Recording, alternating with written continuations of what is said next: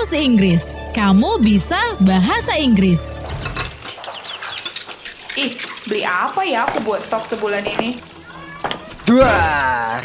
Kak Dora, kenapa cuci piring tadi sambil bengong? Eh, kau ini Jo. Untung piringnya nggak kelempar kan? Habisnya aku lihat kamu dari Kamu?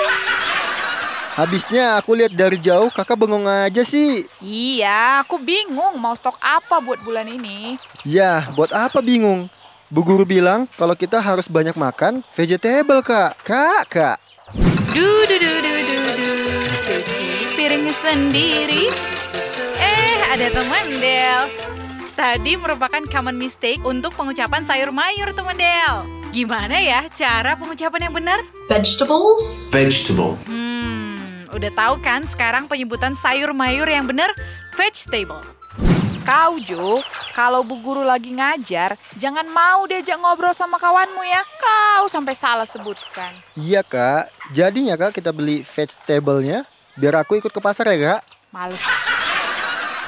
Kamus, kamus. Kamus Inggris ya, Kak? Kamus Inggris ya, Bang? Kamus Inggris. Kamu bisa bahasa Inggris.